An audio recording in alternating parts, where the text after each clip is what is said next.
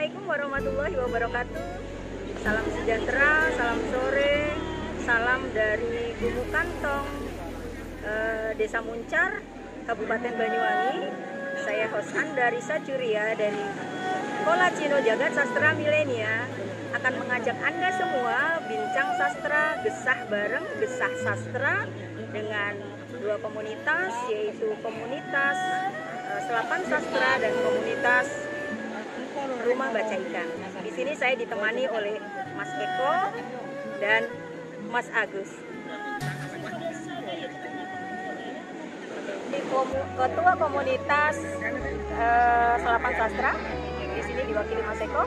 Mas Eko, eh, kira-kira kiat Mas Eko atau dengan kelompok ini bagaimana untuk untuk kiprah dari proses kreatifnya, kiprahnya di komunitas ini supaya tetap eksis gitu di, di dunia literasi ini. Konon katanya tidak dapat dukungan pemerintah atau apalah gitu dan awalnya itu bergerak sendiri tidak ada yang mendukung dari unsur aparat sekalipun. Itu itu awalnya seperti apa Mas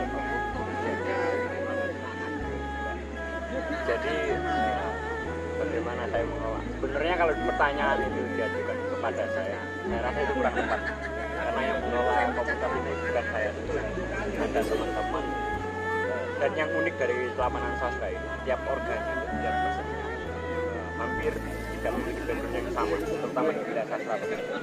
Ada yang backgroundnya pedagang ada yang backgroundnya tukang manol ngangkutin ikan pakai guntung pakai itu. Ada yang backgroundnya percetakan ada yang backgroundnya malah ekonomi. Jadi kita kelola bersama-sama asal eh, salang sinawang saling melihat saling memahami saling mengerti. Kita gas gas sudah. Terkait dilihat atau tidak lihat itu perkara nanti perkara yang lain. Sebenarnya kami daripada eksis lebih memilih esensi itu yang terpenting karena kalau sastra sebenarnya kan juga banyak sastra yang tapi sastra yang yang begitu itu yang yang banyak diomongkan kan biasanya untuk untuk untuk tujuan-tujuan yang kira-kira nggak bener-bener hati nggak nggak bener-bener bisa menenteramkan jiwa kita memilih di sana maka kita fokus ke desa-desa. Banyak kegiatan dari kita yang kita gelar itu dari desa ke desa. Ke balik desanya ke lingkungan warga sekitar. Akhirnya dari dari kegiatan kami yang modenya semacam itu direspon baik. Kita kenal relasi yang lebih lebih banyak. ya kita kenal orang-orang yang lebih luas kalaupun toh harus ke kota itu yang nggak jarang jarang sekali kita ke kota. Kita kita bukan berarti melupakan kota kota tetap kita pandang sebagai sebagai ibu sebagai ayah tapi tetap sebagai anak kita juga yang dikelola ya dikelola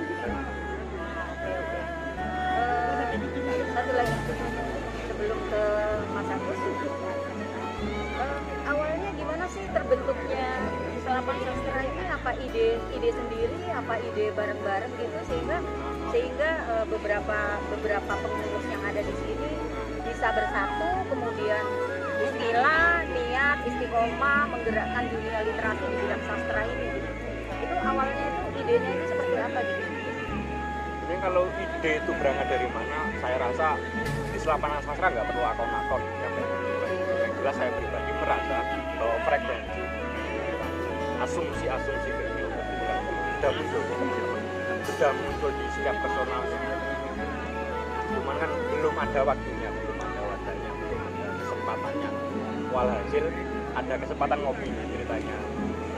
Ngopi ngomong ropos dan sebagainya. Tiba-tiba tercetuk. Wah kayak enak gitu ya gerakan ini tapi kalau saya neko-neko opo anane itu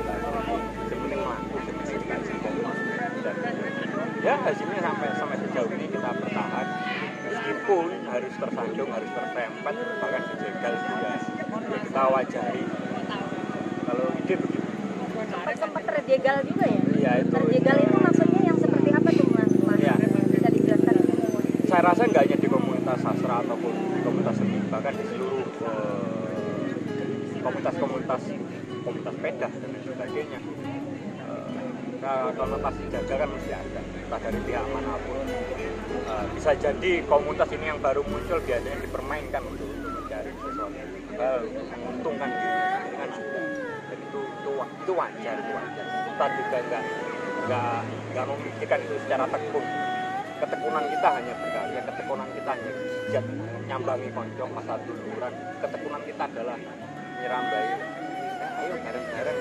Soalnya saya pribadi berpikir begini. Belajar sastra dan seni kan memang bukan kewajiban. Belajar sastra itu bukan kewajiban. Tapi belajar seni dan sastra bukanlah hal yang jaga juga dan kalau sudah menyadari itu berarti kami juga tidak boleh memaksakan. Toh orang bisa hidup tanpa belajar sastra. Toh orang bisa bisa enak bisa bermewah-mewahan anaknya sejahtera.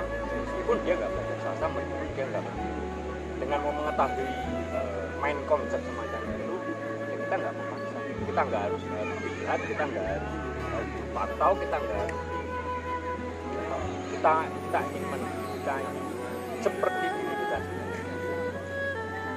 Lalu uh, tujuannya bikin selapan sastra ini apa? Kok kayaknya kalau kalau seperti itu jadi kayak kayak yang jalan tanpa tujuan gitu. Ya. tujuannya tapi tapi tentu sebuah komunitas itu punya tujuan kan? Konsep tujuan itu apa yang ingin dibangun kira-kira. Kalau misalnya memang sih nggak ingin dilihat tidak ingin ini itu gitu ya. E, dan itu bukan kewajiban kita nggak dosa juga iya. kali ya. gitu ya. Cuman e, minimal dalam benak masing-masing atau misalnya di dalam sebuah komunitas itu kan pasti punya konsep tersendiri untuk tujuan dari membuat sebuah komunitas. Kira-kira apa ya? Kalau tujuan untuk selapanan sastra nah ini, ini menariknya selapanan sastra sudah punya GBH apa tuh GBH? garis besar haluan organisasi oh, begitulah. iya. singkatannya GBHO sudah punya ada sudah kita bahas tujuan kita apa sih secara kelompok secara komunal itu apa tujuan kita? Yang jelas kita menjadi efisien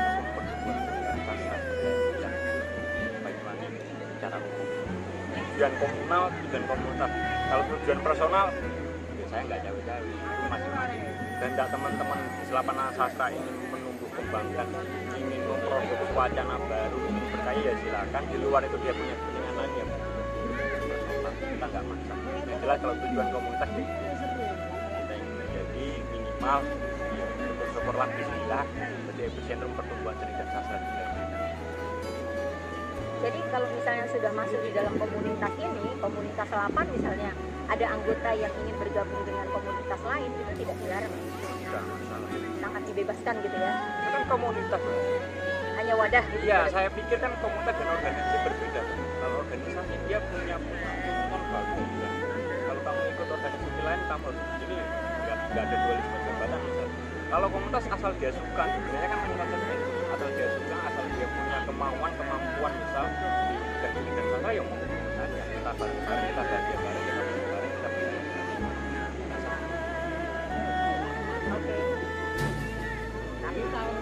Oke, terima kasih uh, Mas Eko. Kita sebelum lanjut perbincangan akan ke Mas Agus terlebih dahulu.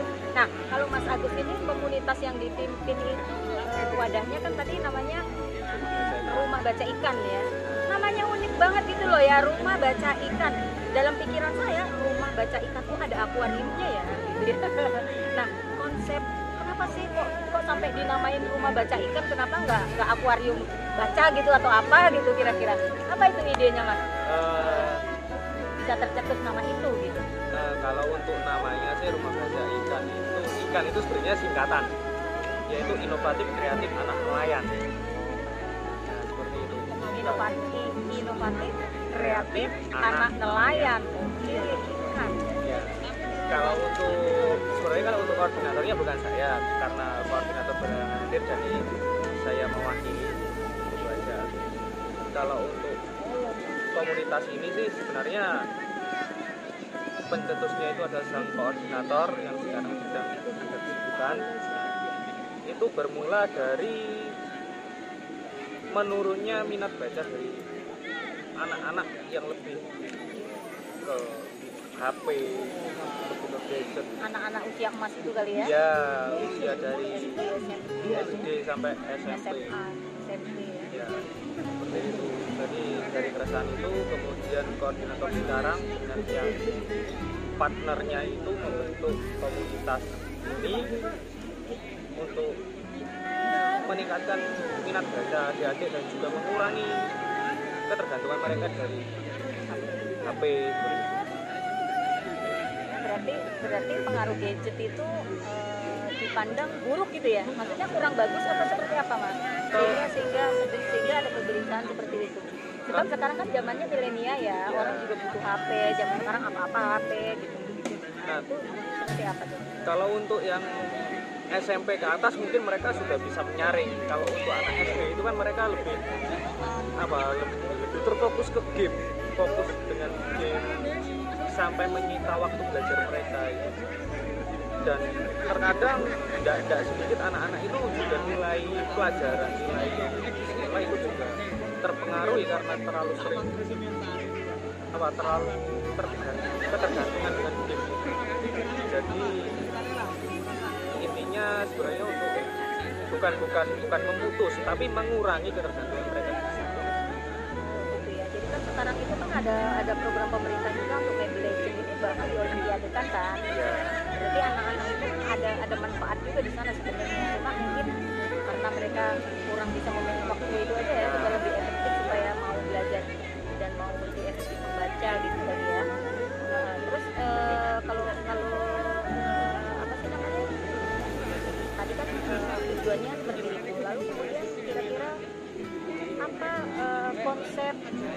sehingga komunitas ini bisa tetap eksis gitu. Sudah berapa lama itu mas berdirinya? Komunitas baca ikan ini? kalau untuk rumah baca ikan itu empat tahun. Empat tahun. Tepatnya itu pada 18 Oktober 2021 kemarin itu empat tahun. Empat tahun ya. Jadi kiprahnya itu eh, terutama nggak bagaimana caranya ngajak anak-anak ini supaya mau baca itu seperti apa gitu pertama itu kan untuk kegiatannya sendiri itu kita kan terkadang keliling. Keliling ya tidak tidak tidak ber, apa tidak tidak stay di satu tempat tapi keliling di beberapa tempat seperti itu. Nanti kalau ada yang minta kita buat acara di sana. Nah untuk menarik minat anak-anak seusia mereka itu kita kasih kita ajak bermain seperti permainan-permainan tradisional seperti slodor kemudian kan yang lainnya. Terkadang juga permainan yang apa untuk memancing konsentrasi dan sebagainya itu. Dan juga kita memberikan reward kepada mereka ya. Seenggaknya seperti bingkisan snack atau buku itulah. Jadi mereka ya tidak banyak tidak sedikit pasti akan tertarik untuk mengikuti kegiatan mau membaca. Bahkan kami juga terkadang berkolaborasi dengan jadi ada kerjasama antara Selapan Ya. Sastra dan komunitas baca ikan juga ya? Eh, terus eh, kalau misalnya bagaimana untuk merawat komunitas ini supaya tetap eksis gitu Eh, kira-kira eh, prosesnya itu proses kreatifnya agar tetap komunitas ini tetap terjaga komunitas ini tetap berjalan gitu ya? Itu kira-kira apa gitu langkah-langkah yang yang yang dilakukan kalau untuk itu sebenarnya hanya sekedar apa komitmen dari relawan yang yang gimana ya mereka bisa komitmen mereka. Setelah itu juga seperti tadi inovatif jadi memberikan inovasi-inovasi baru konsep-konsep mengembangkan konsep komunitas ini agar tetap bisa berkembang bisa tetap eksis. Bentuknya realnya seperti apa gitu mas kalau boleh berbagi? Ya bentuk realnya. Ya bentuk realnya sih. Apa?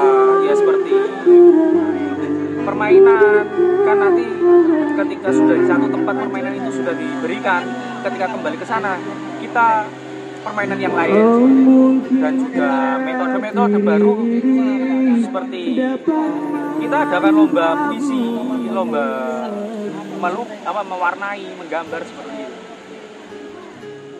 Dan tetap kita beri reward untuk mereka-mereka yang berpartisipasi. Kemudian yang nanti kan lomba itu kan akan diambil satu dua tiga itu nanti juga akan diberi reward yang lebih Jadi kira-kira untuk merawat itu tiap bagaimana eh, komunitas ini memprogramkan apa setiap bulan sekali turun ke masyarakat atau memang setiap hari atau seperti apa gitu? biasanya itu kalau dulu sebelum masa pandemi itu dua minggu sekali Dua minggu sekali terjun ya, ya kalau keliling gitu ya? ya kalau untuk jadwal pasti itu adalah dua minggu sekali kalau misal nanti ada yang minta berarti di jadwal dua minggu sekali itu kita cari kita berikan di jadwal yang kosong itu kan setiap kegiatan itu ada minggu pagi sampai siang Iya, jadi kalau misalnya eh, di tempat itu sendiri, jadi kalau komunitas baca ikan ini punya markas kan? ada Ada markas tersendiri. Nah di, di markas itu anak-anak bisa datang setiap hari tidak? Apa di sana itu ada perpustakaannya, rumah bacanya, atau seperti apa gitu?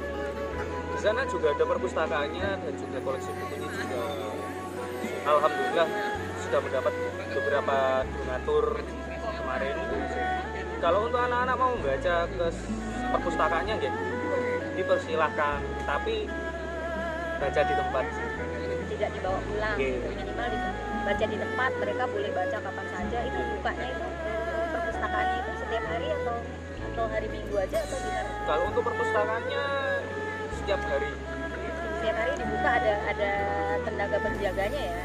Kalau untuk tenaga penjaganya itu koordinator soalnya gedung perpustakaannya itu sebelah rumahnya koordinator Oh.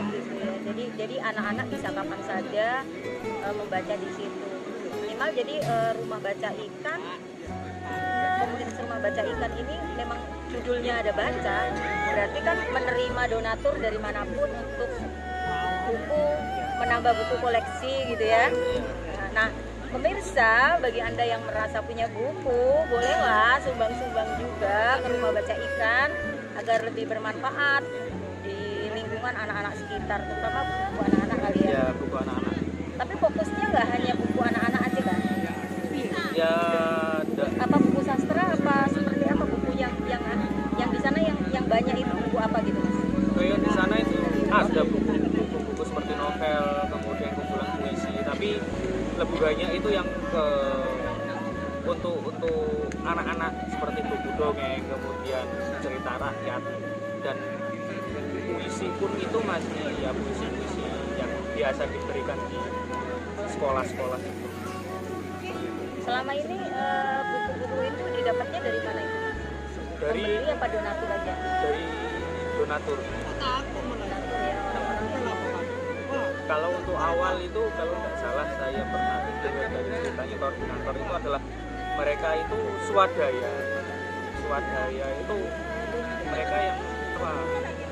Swadaya itu mereka berpencar mencari donasi buku.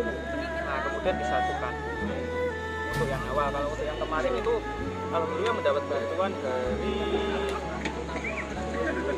teman-teman KKN dari Universitas Jember Winkas sama apa? Ibrahimi. Ibrahim Genteng ya? Ya dapat ya lumayan banyak lah sekitar kalau dikumpulkan semua hampir 200 buku lumayan jadi jadi eh, makin hari mungkin makin bertambah dan makin banyak orang tahu sehingga orang juga menyumbangkan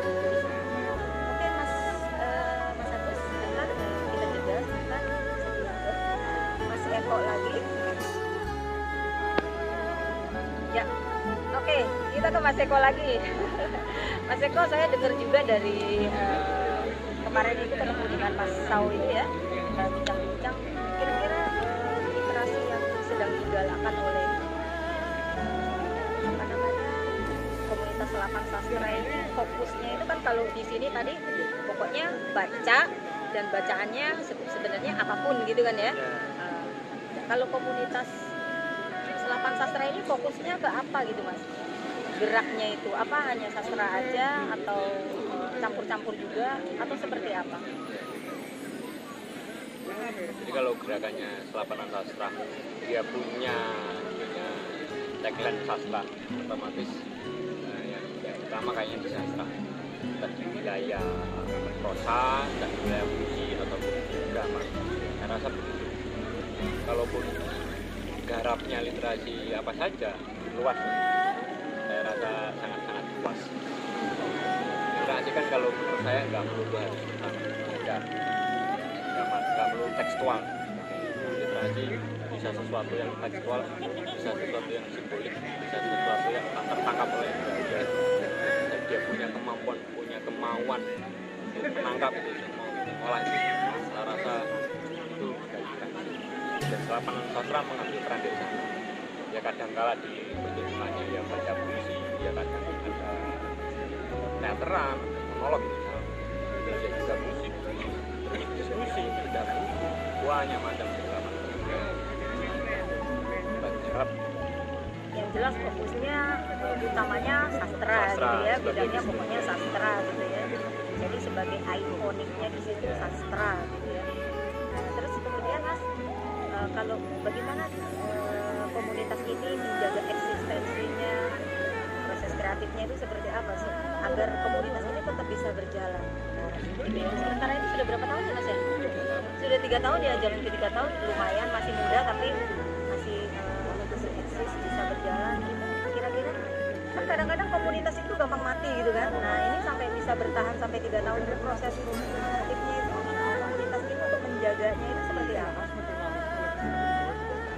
rasa kelapanan sastra juga mengalami apa yang dialami banyak lain pasangan hidupnya dan naik ada ke bawah.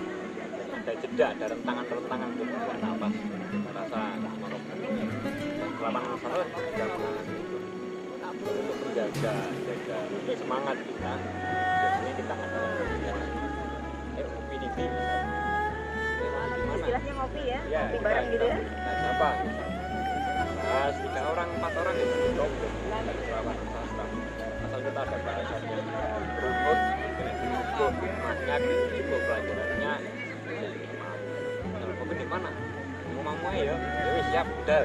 Kita ngopi kita bahas sesuatu bersama tentang sastra bersama tentang ini terus di ngopi itu biasanya tercetus ide ini ayo besok nih. Desa ini. Ayo besok ke desa ini. Ayo besok galakan acara ini.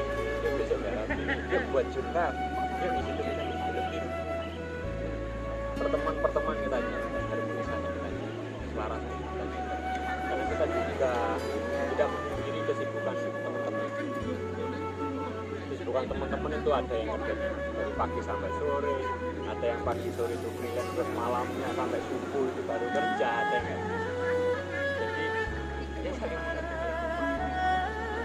menjaga eksistensi Ah, jadi komunitas ini atas kesadaran aja ya. Ya kesadaran yang nggak dibayar gitu ya tapi bisa jalan jalan bareng-bareng gitu kan ya? Ya terus eh, apa sih ada tidak ketika ketika jalan seperti itu? Jadi, kalau saya dengar tadi kan berarti kan nggak harus ketika pertemuan nggak harus undangan resmi atau apa gitu ya.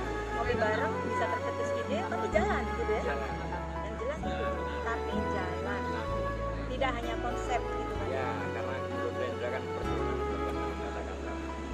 perjuangan adalah pelaksanaan kata-kata wow keren itu. Dan itu dijadikan konsep untuk eh, selapan sastra ini ya. Jadi nggak hanya berkata-kata tapi action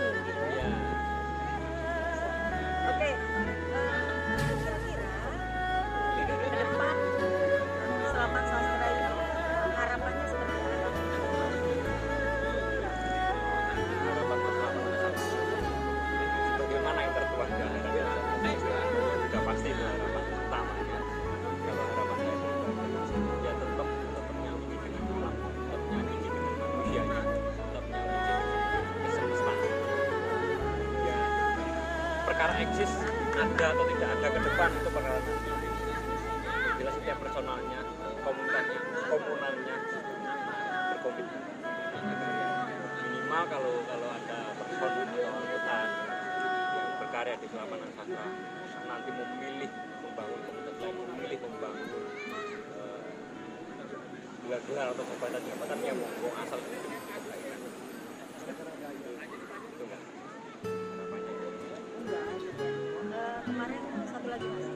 kemarin itu saya dengar waktu saya eh, menghadiri pertemuan launching yang di itu ya katanya komunitas sastra eh, selapan sastra ini kan dapat penghargaan gitu ya dapat penghargaan. Itu penghargaannya itu kita di tidak apa gitu ya? Kalau penghargaan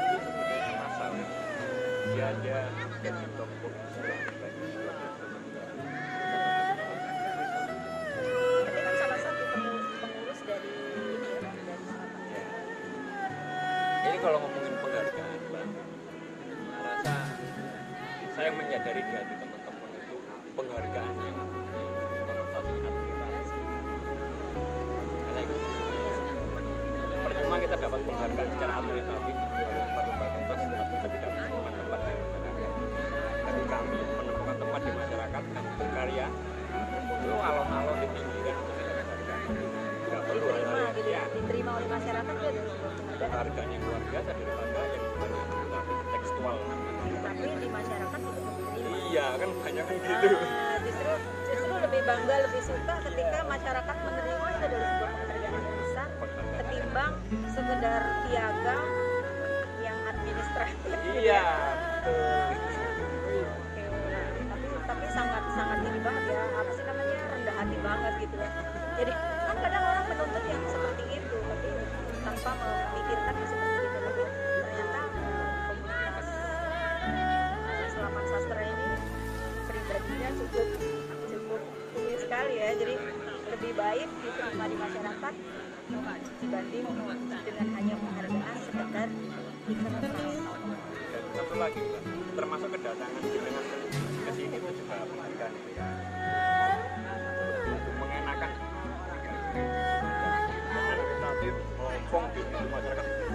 mereka nopo kayak bisa jadi penjahat jadi pimpinan atau jadi musuh masyarakat alah tinggalkan saja yang ya tapi kan manfaatnya ternyata ternyata besar banget ya dari hasil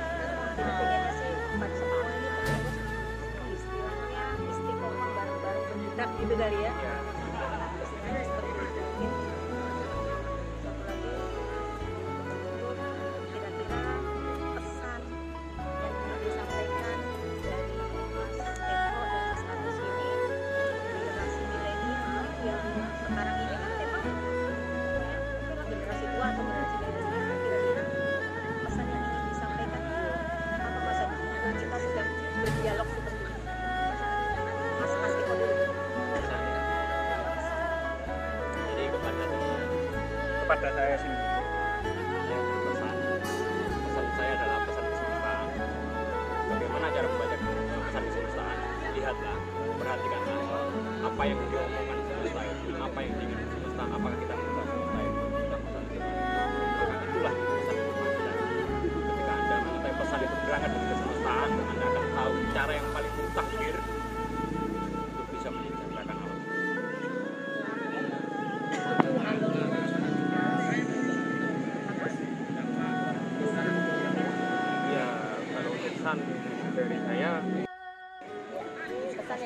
disampaikan oleh komunitas eh, rumah baca ikan kepada halayak ramai atau kepada masyarakat luas atau kepada siapa pun yang mendengar gitu ya.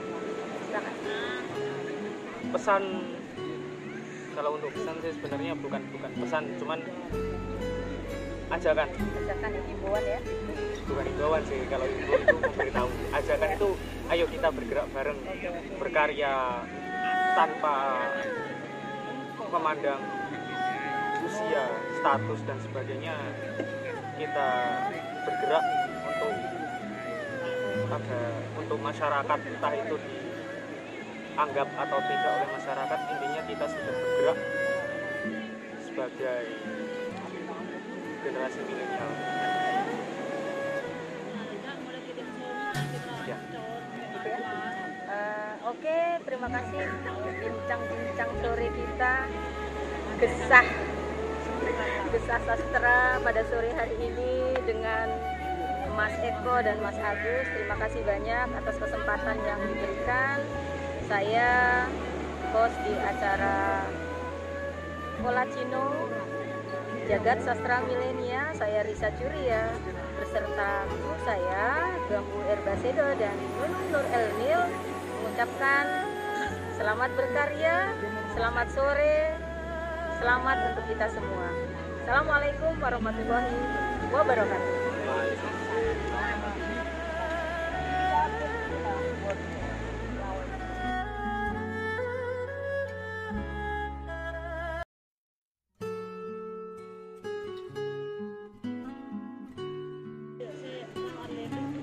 Assalamualaikum warahmatullahi wabarakatuh.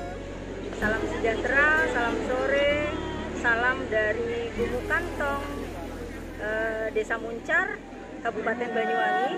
Saya host Anda Risa Curia dari Kolacino Jagat Sastra Milenia akan mengajak Anda semua bincang sastra, gesah bareng, gesah sastra dengan dua komunitas yaitu komunitas eh, Selapan Sastra dan komunitas Rumah Baca Ikan.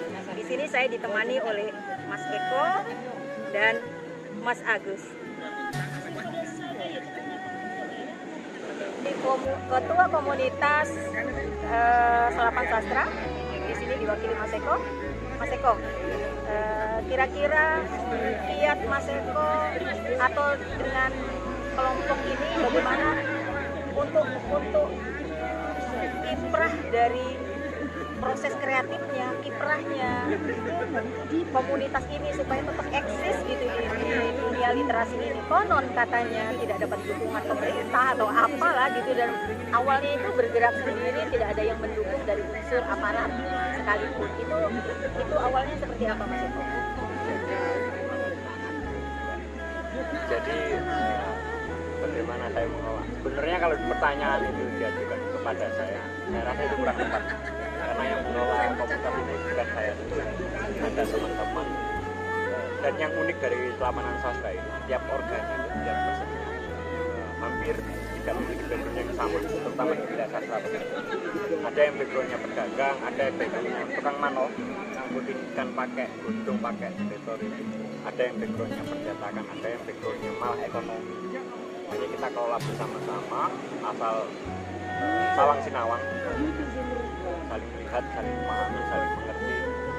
Kita gas gas sudah. Terkait dilihat atau tidak lihat itu perkara nanti perkara yang lain. Sebenarnya kami daripada eksis lebih memiliki esensi itu yang terpenting.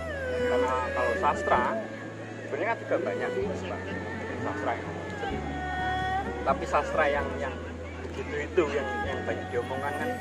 Biasanya kelompok gitu untuk untuk untuk tujuan-tujuan yang kira-kira nggak bener-bener membuka hati nggak nggak bener-bener bisa menenteramkan jiwa kita di sana maka kita fokus ke desa-desa. Banyak kegiatan dari kita yang kita gelar itu dari desa ke desa ke balik desanya ke lingkungan warga sekitar. Akhirnya dari dari kegiatan kami yang modenya semacam itu direspon baik. Kita kenal relasi yang lebih lebih banyak ya kita kenal orang-orang yang lebih luas. Kalaupun toh harus ke kota itu yang nggak jarang.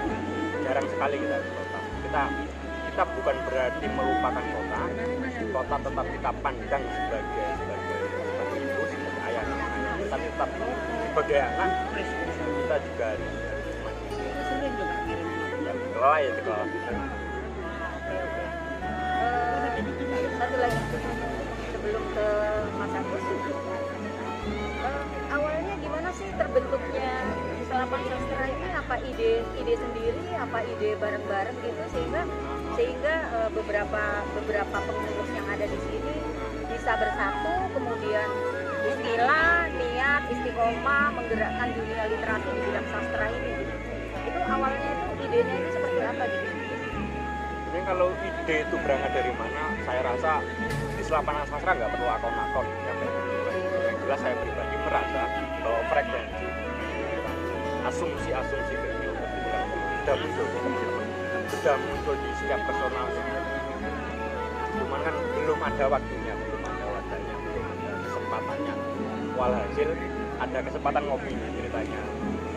Ngopi, ngomong ropos dan sebagainya. Tiba-tiba tercetuk wah kayaknya enak gitu ya kayak gerakan ini. Tapi kalau saya neko-neko opo anaknya itu lagi yang penting laku yang penting kompas dan ya hasilnya sampai sampai sejauh ini kita bertahan. Meskipun harus tersanjung harus terserempet bahkan dijegal juga. Ya kita wajari. Kalau ide begitu. Sempat terjegal juga ya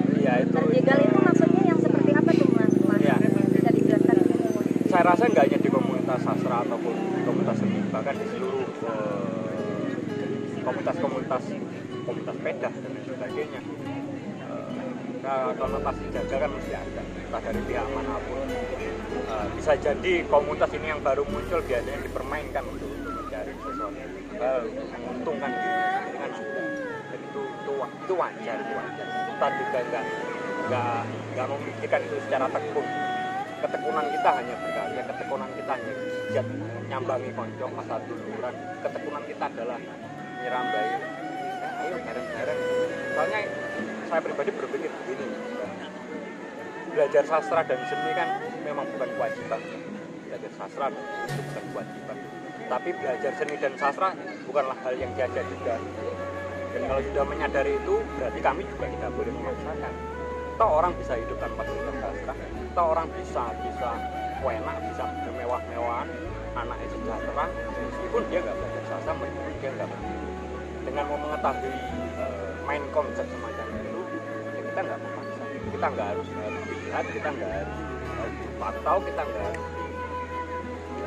kita kita ingin men- kita ingin seperti ini kita lalu eh, tujuannya bikin selapan sastra ini apa? Kok kayaknya kalau kalau seperti itu jadi kayak kayak yang jalan tanpa tujuan gitu. Ya tujuannya tapi tapi tentu sebuah komunitas itu punya tujuan kan? Tujuan itu apa yang ingin dibangun? Kira-kira kalau misalnya memang sih nggak ingin dilihat tidak ingin ini itu gitu ya Eh, dan itu bukan kewajiban kita nggak dosa juga kali Iya. gitu ya cuman eh, minimal dalam benak masing-masing atau misalnya di dalam sebuah komunitas itu kan pasti punya konsep tersendiri untuk tujuan dari membuat sebuah komunitas kira-kira apa ya kalau tujuan untuk selapanan sastra nah ini ini menariknya selapanan sastra sudah punya GBH apa tuh gitu garis besar haluan organisasi Oh, begitulah iya. singkatannya GBHO. Sudah punya ADRT sudah kita bahas tujuan kita apa sih secara kelompok secara komunal itu apa? Tujuan kita. Yang jelas kita menjadi epicentrum pertumbuhan pendidikan sastra yang Banyuwangi secara umum tujuan komunal tujuan komunitas kalau tujuan personal ya saya nggak jauh-jauh. Itu masing-masing. Dan tidak teman-teman di selapan sastra ingin menumbuh kembangkan ingin memproduksi wacana baru. Berkaya ya silakan. Di luar itu dia punya nggak maksa yang jelas kalau tujuan komunitas ya itu. kita ingin menjadi minimal ya, syukur-syukurlah bismillah jadi epicentrum pertumbuhan seni dan sastra di Jadi kalau misalnya sudah masuk di dalam komunitas ini, komunitas selapan misalnya, ada anggota yang ingin bergabung dengan komunitas lain, itu tidak dilarang. nggak masalah Sangat dibebaskan gitu ya. itu kan komunitas Hanya wadah gitu. Iya, saya pikir kan komunitas dan organisasi berbeda. Kalau organisasi dia punya Kalau kamu ikut organisasi lain, kamu harus ini nggak ada dualisme jabatan. Kalau komunitas asal dia suka, sebenarnya kan konsepnya itu asal dia suka, asal dia punya kemauan, kemampuan misal bidang ini dan sana ya mau saja kita bareng-bareng, kita bahagia bareng, kita bareng bareng, kita bisa. Oke. Oke, terima kasih eh, Mas Eko. Kita sebelum lanjut perbincangan akan ke Mas Agus terlebih dahulu.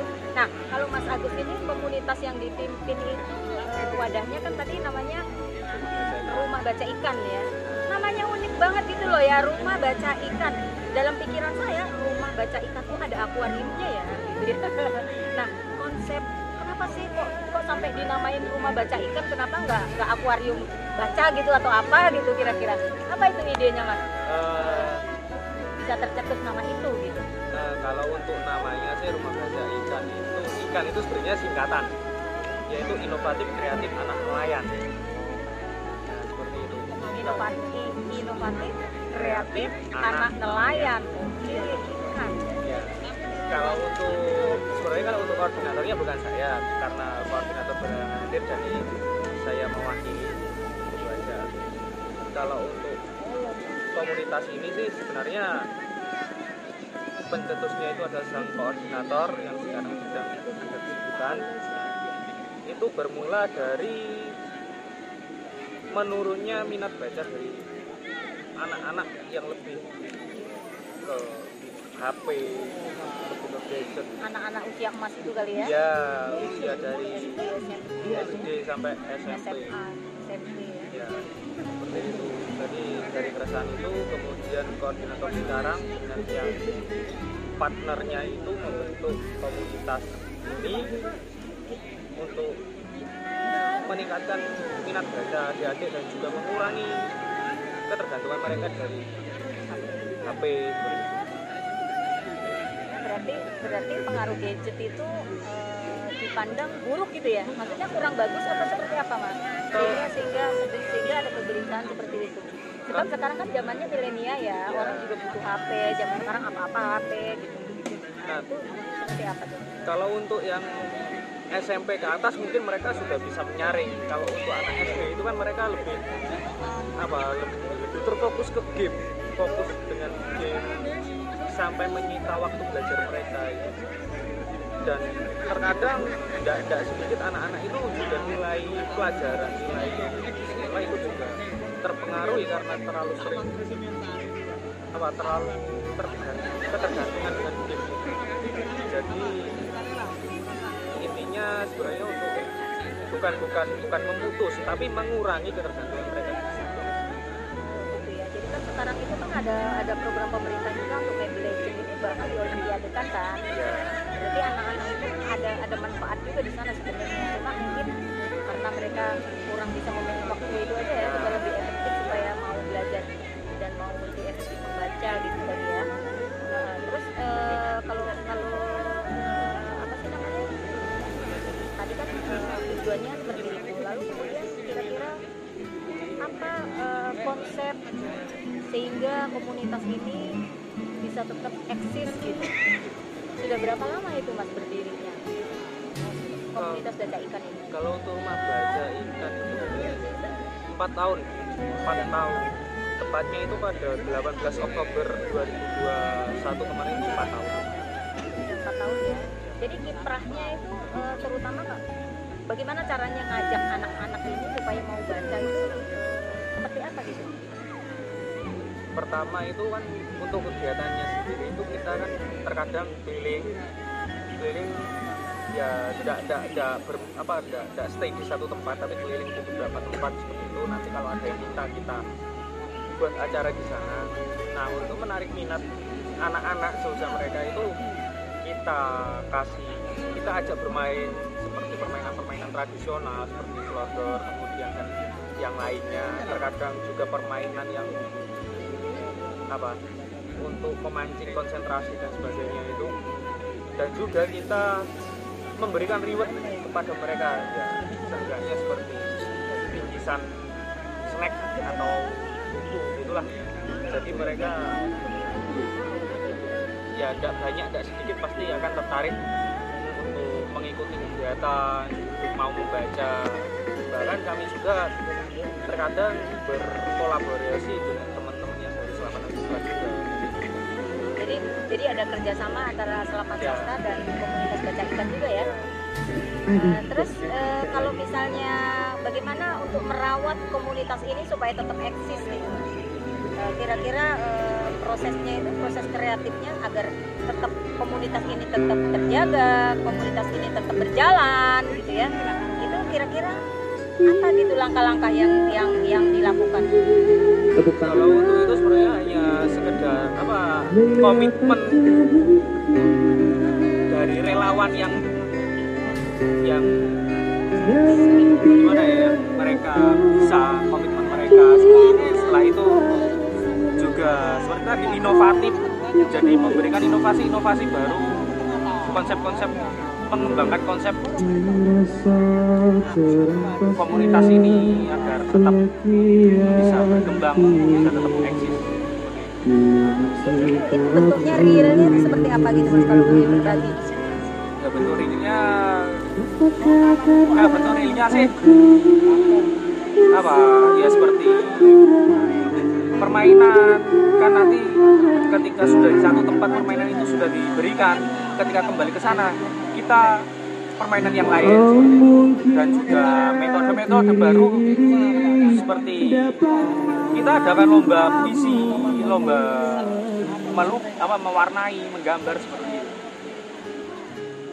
Dan tetap kita beri reward untuk mereka-mereka yang berpartisipasi. Kemudian yang nanti kan lomba itu kan akan diambil satu dua tiga itu nanti juga akan diberi reward yang lebih jadi kira-kira untuk merawat itu tiap bagaimana eh, komunitas ini memprogramkan apa setiap bulan sekali turun ke masyarakat atau memang setiap hari atau seperti apa gitu? Biasanya itu kalau dulu sebelum masa pandemi itu dua minggu sekali.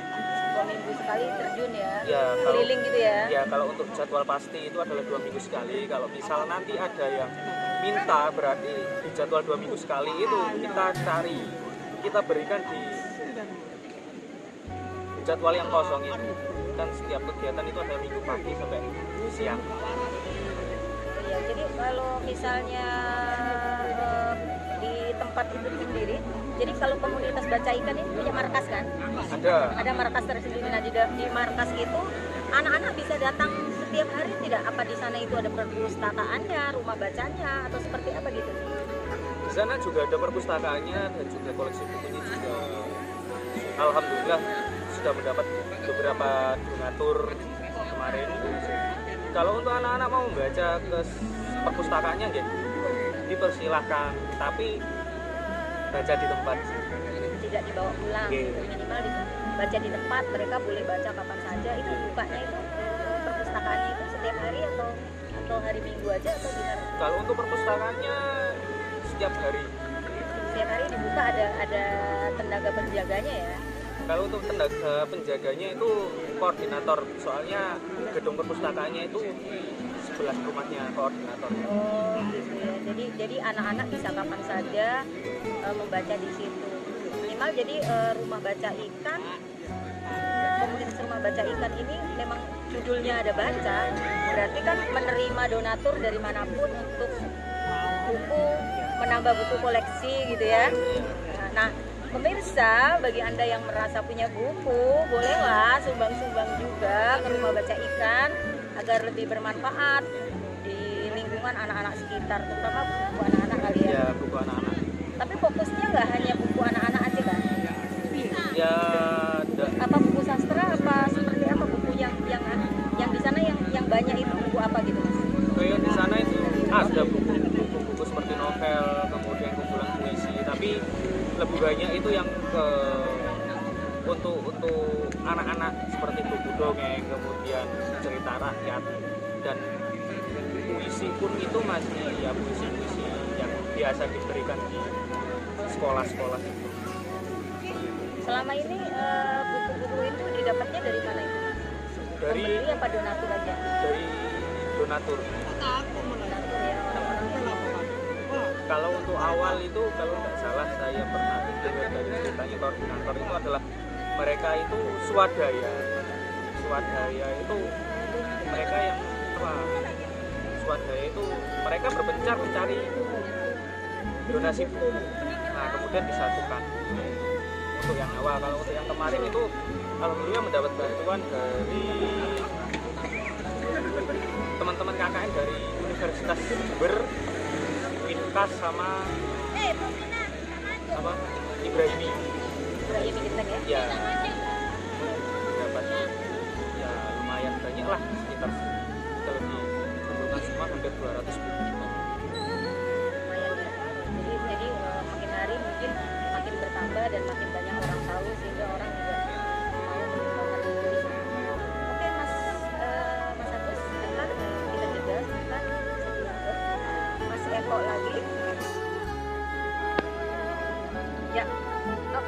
kita ke Mas Eko lagi. Mas Eko saya dengar juga dari eh, kemarin itu ketemu dengan Mas Sau ini ya. Eh, bincang-bincang kira-kira eh, literasi yang sedang digalakan oleh eh, apa namanya komunitas lapan sastra ini fokusnya itu kan kalau di sini tadi pokoknya baca dan bacaannya se- sebenarnya apa pun gitu kan ya. Eh, kalau komunitas selapan sastra ini fokusnya ke apa gitu mas geraknya itu apa? Hanya sastra aja atau eh, campur-campur juga? Atau seperti apa? Jadi kalau gerakannya Selapanan Sastra dia punya punya tagline sastra otomatis eh, yang utama kayaknya di sastra. Di wilayah prosa, di wilayah puisi ataupun drama. Saya rasa begitu. Kalaupun garapnya literasi apa saja luas, sangat-sangat luas. Literasi kan kalau menurut saya nggak melulu harus tentang benda nggak perlu tekstual.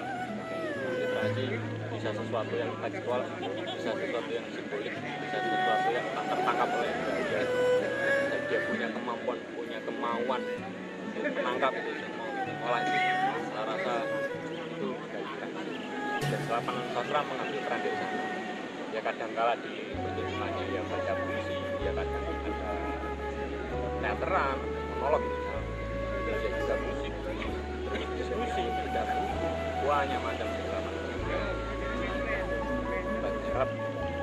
Yang jelas fokusnya utamanya sastra, Sastra, gitu ya bidangnya pokoknya sastra. gitu ya. Jadi sebagai ikoniknya di situ sastra gitu ya.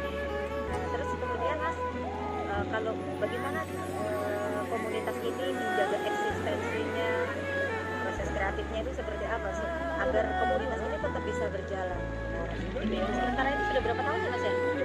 Sudah tiga tahun ya jalan ke tiga tahun. Lumayan masih muda tapi masih eh, masih eksis bisa berjalan. Kira-kira kan kadang-kadang komunitas itu gampang mati gitu kan? Nah ini sampai bisa bertahan sampai tiga tahun itu proses kreatifnya itu komunitas itu untuk menjaganya itu seperti apa? Rasa kelapanan sastra juga mengalami apa yang dialami banyak lain pasang surutnya dan naik ada ke bawah. Ada jeda ada rentangan-rentangan untuk membuat napas saya rasa menurut kelapanan sastra juga mengalami itu untuk menjaga jaga semangat kita biasanya kita adalah eh ngopi di mana istilahnya ngopi ya, ya ngopi bareng gitu ya. kita siapa bahas tiga orang empat orang itu. Cukup.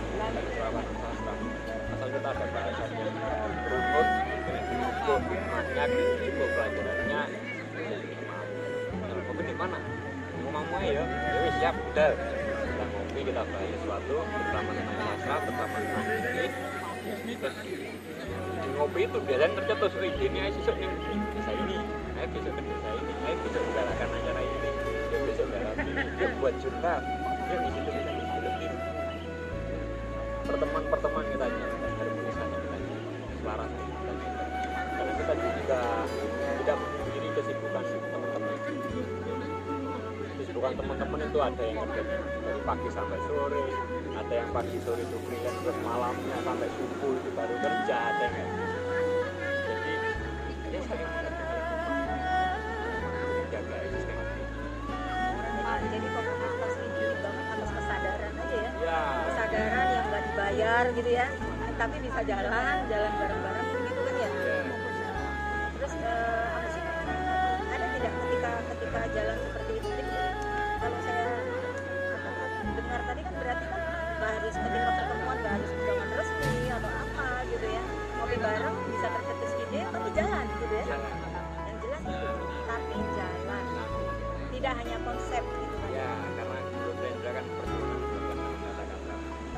perjuangan adalah pelaksanaan kata-kata wow itu.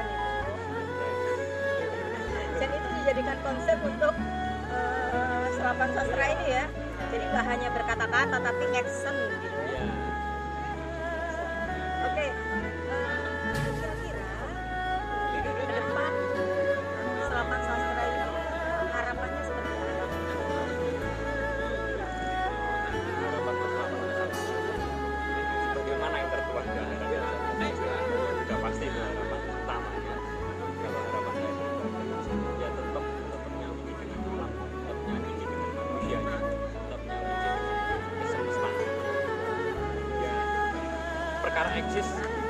itu tidak ada ke depan itu peralatan bila setiap personalnya komunitasnya komunalnya berkomitmen.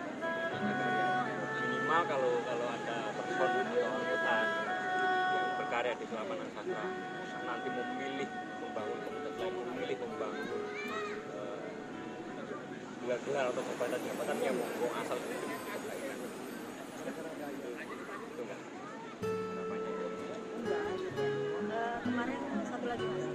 kemarin itu saya dengar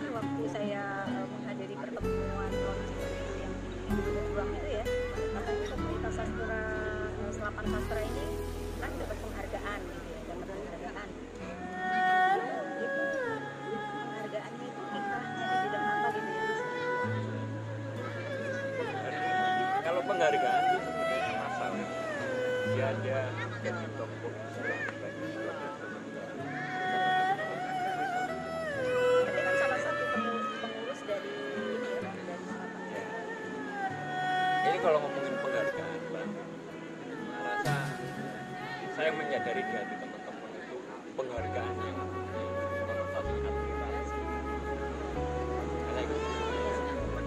percuma kita dapat penghargaan secara administratif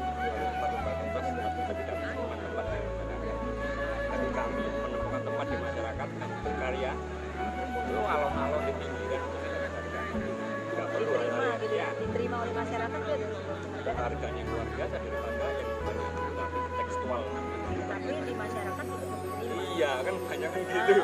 justru justru lebih bangga lebih suka ketika masyarakat menerima itu dari sebuah pekerjaan yang besar ketimbang sekedar piagam yang administratif. Iya Oke, nah, tapi tapi sangat sangat ini banget ya apa sih namanya rendah hati banget gitu ya.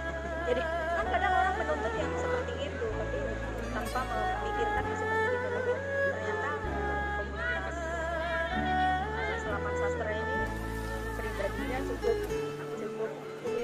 Ya. jadi lebih baik gitu diterima di masyarakat dibanding dengan hanya penghargaan sekedar dikenal satu lagi termasuk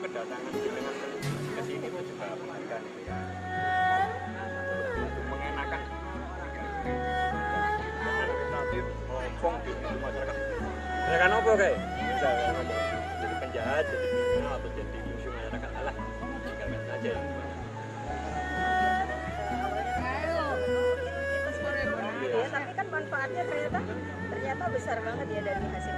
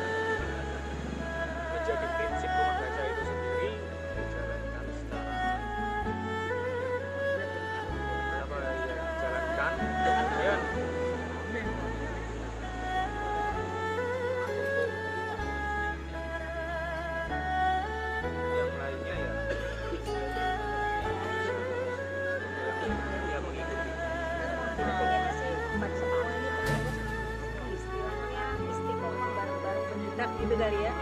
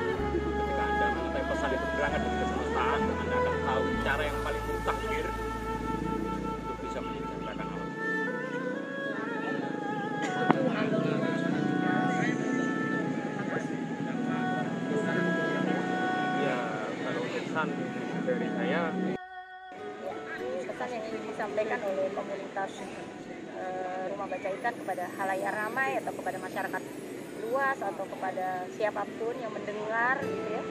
Silakan. pesan kalau untuk pesan sih sebenarnya bukan bukan pesan cuman ajakan Ajakan ya, himbauan ya. bukan himbauan sih kalau itu memberitahu ajakan itu ayo kita bergerak bareng berkarya tanpa memandang usia status dan sebagainya kita bergerak untuk ada untuk masyarakat entah itu dianggap atau tidak oleh masyarakat intinya kita sudah bergerak sebagai generasi milenial. Ya Oke, terima kasih. Bincang-bincang sore kita. Gesah gesah sastra pada sore hari ini dengan Mas Eko dan Mas Agus. Terima kasih banyak atas kesempatan yang diberikan.